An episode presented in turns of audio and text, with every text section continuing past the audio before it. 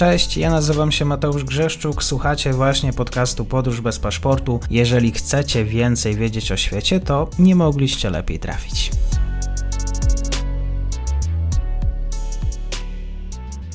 Dzień dobry Państwu, dzień dobry wszystkim słuchaczom. Dzisiaj e, już długo wyczekiwany gość, e, o którego Państwo prosili w komentarzach i również tematy bałkańskie, których było, no przyznam się, troszkę mniej. Jakub Bielamowicz, Instytut Nowej Europy. Dzień dobry. Dzień dobry Mateuszu, dzień dobry wszystkim naszym słuchaczom.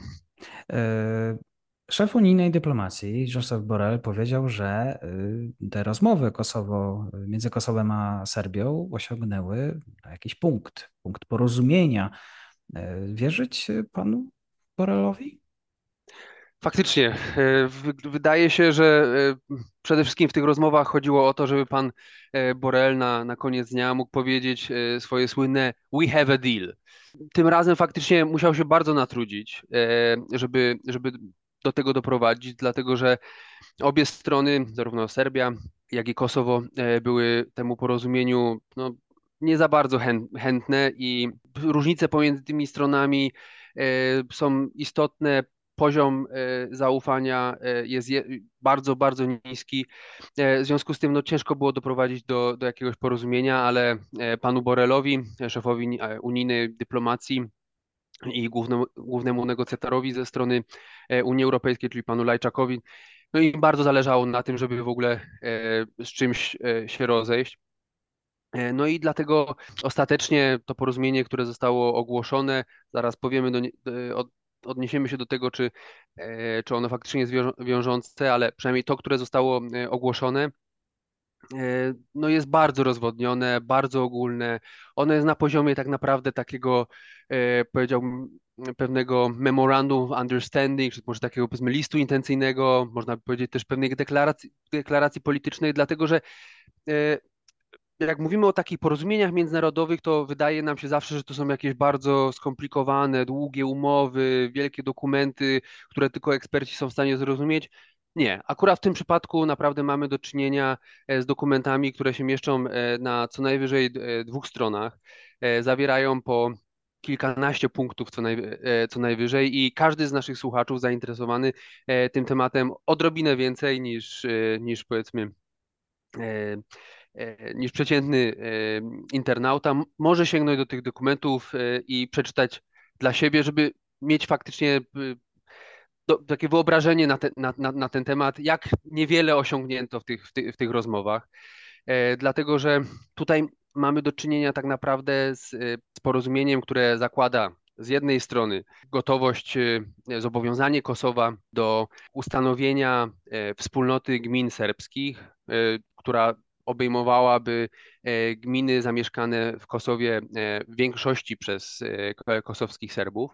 E, kosowskim Serbom przy wsparciu Belgradu. Chodzi o to, żeby e, utworzyć tako, takie trochę powiedziałem, samorządne ciało, e, które przy wsparciu i finansowaniu Belgradu mogłoby stanowić większą siłę polityczną, wewnętrzną w polityce Kosowa.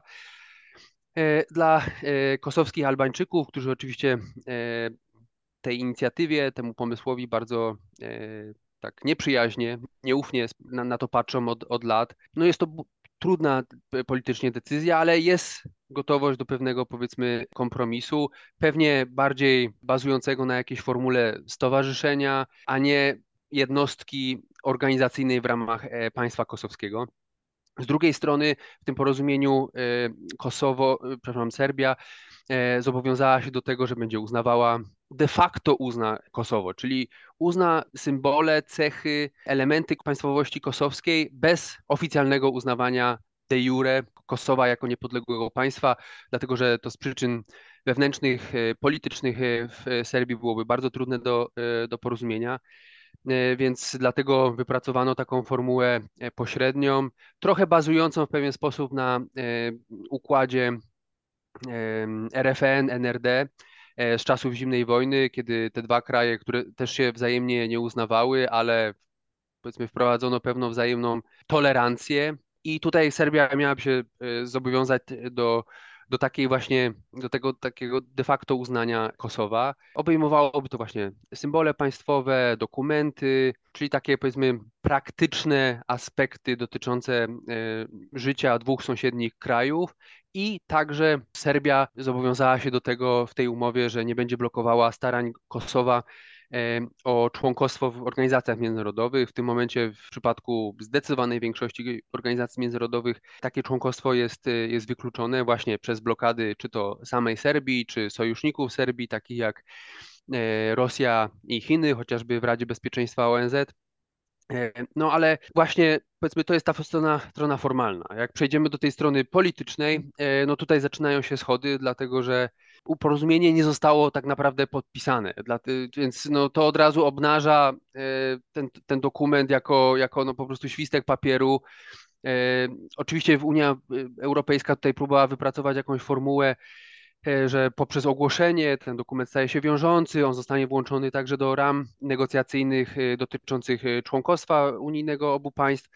No ale powiedzmy dla zarówno dla obserwatorów życia politycznego na Bałkanach, jak i myślę dla mieszkańców regionów, jak i myślę wszystkich, którzy jakkolwiek zerkają na to, co się dzieje w tym regionie, no wydaje się to mało wiarygodna e, formuła. To znaczy, że jak, jak można się do czegoś zobowiązać, nie podpisując tego.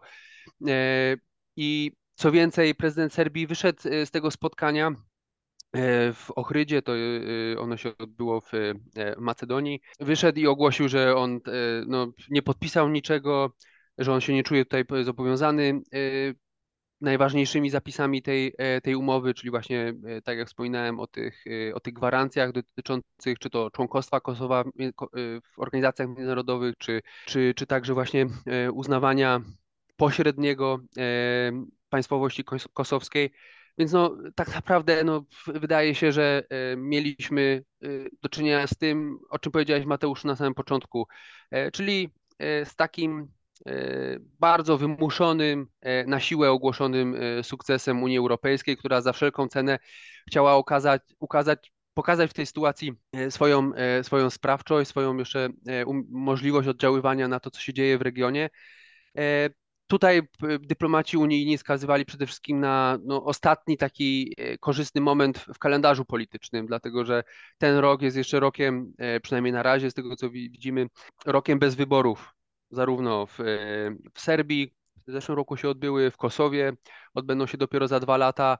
Tak samo w przyszłym roku będą wybory e, na poziomie unijnym, będą także wybory w Stanach. Stany Zjednoczone są także zaangażowane w te, w te rozmowy e, pomiędzy właśnie Kosowem a Serbią, więc no, to jest taki ostatni moment tak naprawdę do końca tego roku, żeby spróbować przeprowadzić jakiekolwiek trudne politycznie zmiany, zanim wszystkie te kraje wejdą po kolei e, w trudny cykl przedwyborczy.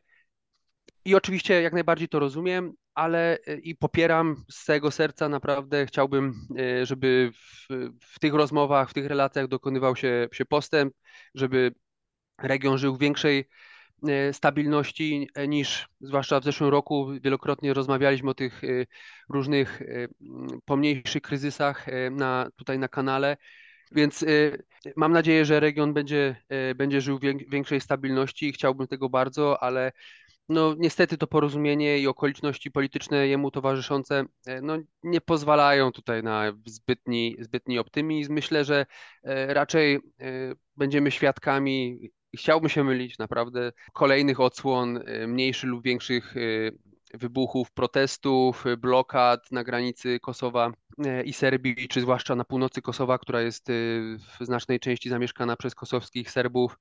Więc no, myślę, wydaje, że po, po, tych wydarzeniach ostatniego weekendu, które zostały tak właśnie trochę szumnie e, zakomunikowane, podane do agencji prasowych, które no powiedzmy przekazały to, tą informację o porozumieniu, no pozostaje taki trochę, e, trochę niesmak.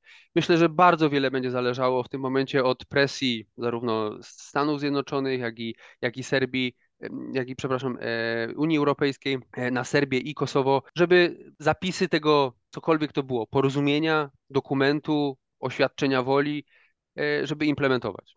Przekonamy się w najbliższych e, tygodniach, miesiącach. Piłka w pierwszej kolejności, zgodnie z tym dokumentem, jest po stronie Kosowa, które zobowiązało się do podjęcia natychmiastowych działań na rzecz ustanowienia jakiejś formuły tej wspólnoty, wspólnoty gmin serbskich w Kosowie, którą złośliwi nazywają drugą Republiką Serbską. Zobaczymy. Zobaczymy. Bardzo dziękuję za ten komentarz. Jakub Bielamowicz, kłaniam się nisko do usłyszenia. Dzięki śliczne, pozdrawiam wszystkich słuchaczy.